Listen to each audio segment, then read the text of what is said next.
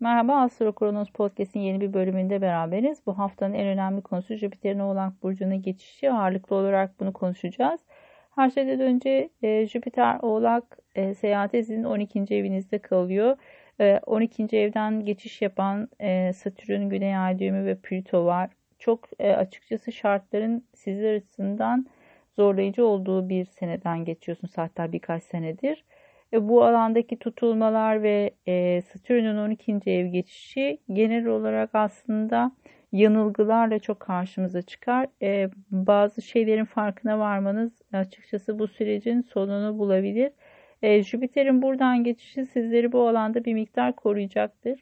Özellikle arkanızdan dönen işler ya da dedikodular vesaireler varsa bu konularda e, biraz böyle e, kimin sizden tarafı olduğunu, kimin arkanızdan iş çevirdiğini anlamanızda belki destekleyici olabilir. Ama genel olarak 12. ev geçişleri zordur.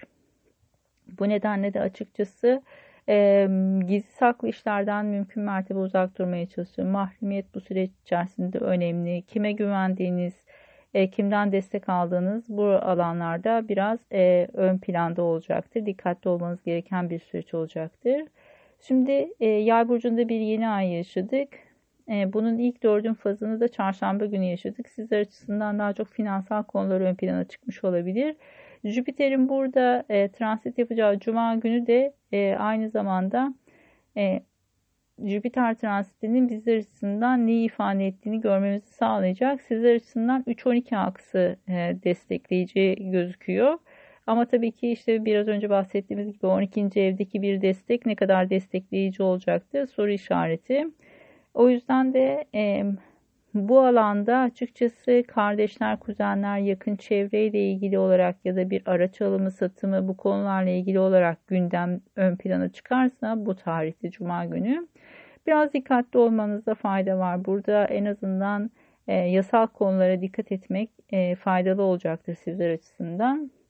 E, Merkür'ün e, yay burcu geçişi olacak. Bunun öncesinde de Güneş'in Neptün'le bir kare açısı oluyor.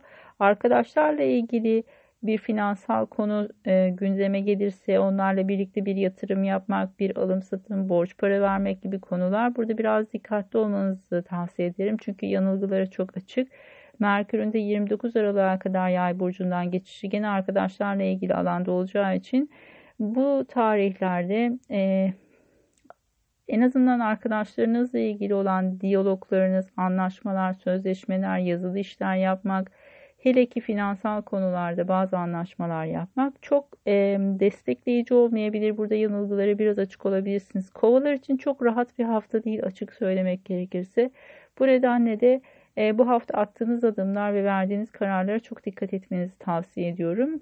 E, tabii ki her zaman e, bir transit analizi ile e, önünüzdeki gündemi bir miktar görebilirsiniz. Hangi tarihlerin sizler açısından destekleyici olacağını, hangilerinin daha riskli olacağını gözleyebilirsiniz. Astroloji meraklıları için ve astroloji öğrencileri için güneş dönüşü semineri düzenliyoruz. Burada da 2020 yılındaki haritaları arzu edenlerin haritalarını inceleyeceğiz. E, ve bu haritaların nasıl yorumlandığını anlatacağım. Burada da e, Açıkçası şaşırtıcı derecede e, ön plana çıkabilen konuları yakalayabiliyoruz güneş dönüşü haritalarında. Ben kendi danışmanlıklarımda da sıklıkla bu e, yöntemi kullanıyorum. O yüzden de tavsiye ediyorum eğer astroloji öğreniyorsanız bu haritanın yorumunu öğrenmeyi. E, aynı zamanda tabii ki her zaman bireysel seans alabilirsiniz. Bana web sayfası üzerinden ya da sosyal medyadan ulaşabilirsiniz. E, sorularınız olursa rahatlıkla oradan iletebilirsiniz. E, keyifli bir hafta olmasını dilerim sizler açısından. Zor ve kafa karıştırıcı bir hafta olmakla beraber e, en azından e, bazı günlerde daha sağlıklı ve daha rahat geçirebileceğiniz e, zamanlar var. Bunları iyi değerlendirmenizi öneririm. E, yavaş yavaş 12. ev e, sendromu bu sene itibariyle bitiyor. Birazcık daha hareketli bir yıl başlayacak sizler açısından. E, daha çok arkadaşlar ve sosyal çevrenin ön plana çıkacağım. E, bu alan hareketlenmeye başladığında da daha destekleyici bir süreç olacaktır. Keyifli bir haftası olmasını dilerim. Görüşmek üzere, hoşçakalın.